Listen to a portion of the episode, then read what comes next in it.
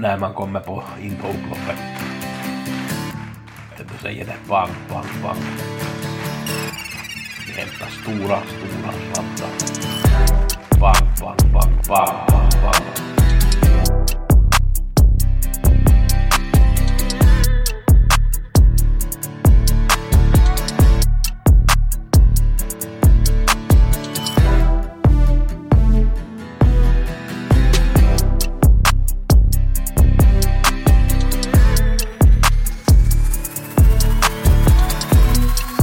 Veckopodden med Gusse. Vi har måndag förmiddag. Vi ska gå igenom V86 och V75 sådär kort och snabbt från förra veckan. Vi ska ta en idé till V64 på Färjestad idag. Kolla lite på V86 onsdag och V25 lördag. Ni som har månadens paket så är ju allting okej okay. och vill ni ha sen tipsen så gustaf.tager.gmail.com så får ni beställa den sen. Eh, vi började med att kolla på V86 senaste onsdag. Jag hade Swagger som bästa spik i andra, han var egentligen inte alls bra, det var Corazon de B som vann från döden som var riktigt bra, gård på V75 på lördag också. I tredje loppet hade jag ju, trodde jag mera på Eh, Vålar Nikolaj på Mållycke AM. Vålar Nikolaj blev fast med massa krafter kvar. Mållycke går ut på Bollnäs på lördag och kommer att möta bland annat Soldhöjden Drake och Uppgårdrängen. Den här Soldhöjden Drake tyckte jag gick jättebra. De står alla tre på 40 tillägg på volten, men om Soldhöjden Drake får någorlunda lopp så är jag inte alls överraskad att den kan, om den kan vinna den här, det här loppet. Eh, vi fick ju en eh, jackpot från V86, den gav ju 14 000. Vi har en 20 miljoners jackpot på onsdag. Jag kan ju ännu säga om den här onsdagen att eh, äh, dagens dubbel sa att jag hade två komber som jag rekommenderade, eller, eller fyra, fem, men två stycken eh, A-hästarna i sjunde Nine Points Lasse och Väljastens sjuan äh, Chitchat, det var ju Nine Points Lasse som vann och tillsammans med Starcash när jag gjorde det här tipsen så stod det väl i 80 gånger och jag lämnade in dagens dubbel så stod det väl 50, 50, 60 gånger men det sjönk ut i 30. Men det var i alla fall nästan knappt på 30. Jag tyckte att det var ganska bra betalt och hoppas någon som tog rygg på det här. Eh, V75 på lördagen, där blev det också jackpot. Eh, det gav 2 500 kronor. Eh, jag hade som bästa spik Purple Rain i femte, den fick ju ett ganska tungt lopp, men det borde ha varit betydligt bättre. Den Outlive Day var ju otroligt bra med vinsten.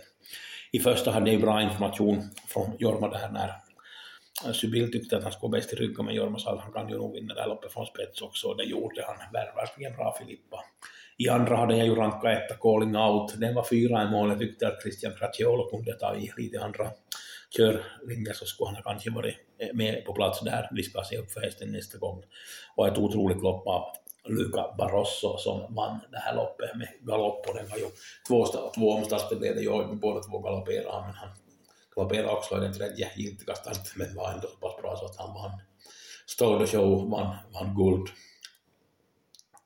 Fjärde loppet trodde jag på Nidem och Soundtrack. Soundtrack var egentligen ganska dålig och Nidem galopperade där det var eh, äh, Harris också som blev ju skrik, men jag trodde egentligen inte någonting på hästen när det skulle gå med skor, men den var ju faktiskt riktigt bra.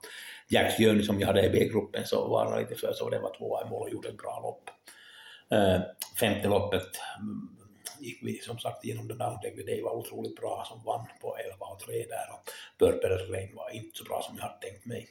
Sangria Bellini, det blev Vanchette som favorit och Adrian vann också sista med Dominic Vibbi, sista trodde jag på Versace Face och där blev det ju galopp på den.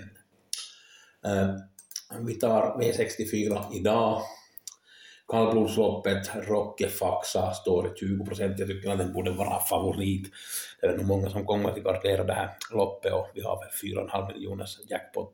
Jag tror att Rocke Faxa bara vinner den här. Den har varit två och ett av de här två senaste starterna och tycker att den har sett helt bra ut så att jag kommer nog till spika den på, på min V64 och jag tycker att ni ska göra det också, om ni vågar gå på den. Eh, I sista loppet på V86 på onsdag har vi Joker med Haras från spåret, Martin P. Ljuset kör, den har varit 3, 2, 4. Favoriten ser ut att bli Heitkinam, den har tre raka galopper, jag är inte alls säker på att Heitkinam kommer att vinna det här. Jag tycker att Joker med Haras måste absolut sträckas i det här loppet lördagens V75 som jag tycker att ser väldigt, väldigt intressant ut. Så har vi kallblodsloppet, där stod vi på 40 tillägg, Uppgårdrängen, Månlycke och Soldhöjdens drake som körs av Per Lennartsson och den här Soldhöjdens drake kan nog vara ett otroligt fint drag och den blir den här rankingsen så det är svårt att säga det här måndag morgon och vi har länge på oss att göra de här tipsen. Femte loppets Hajon Pepper fick spår 11, det var lite synd. Den möter Ferrari Sisu, Room Base Off, Order to Fly, Dark Roaster, Blandarna, Dwayne Set. Jag tycker att det är ju en, den allra bästa gulddivisionen att Ferrari Sisu och Hajon Pepper är väl nog två av de här som kanske kan göra upp här. Nine Points Lasse går ut i, i sjätte loppet, bronsdivisionen, den har fått springspår. Spår 7 där blir det intressant att se Bonnie Smiley bland annat emot Declan Global About Allfield över Benefit. för att nu nämna några. Sista loppet har vi silverdivisionen. Corazon de B vann ju från dödens på mot Swagger och gjorde det bra. Gart Vader var ju otroligt bra vid vinsten. Hannibal Face är med där, Ella Boko är med. Ja, det blir ett intressant lopp. Gustaf.tager.gmail.com om ni är intresserade av de här tipsen så ska ni höra av er. Tack ska ni ha och ha en bra spelvecka. Lycka till. Tack för mig.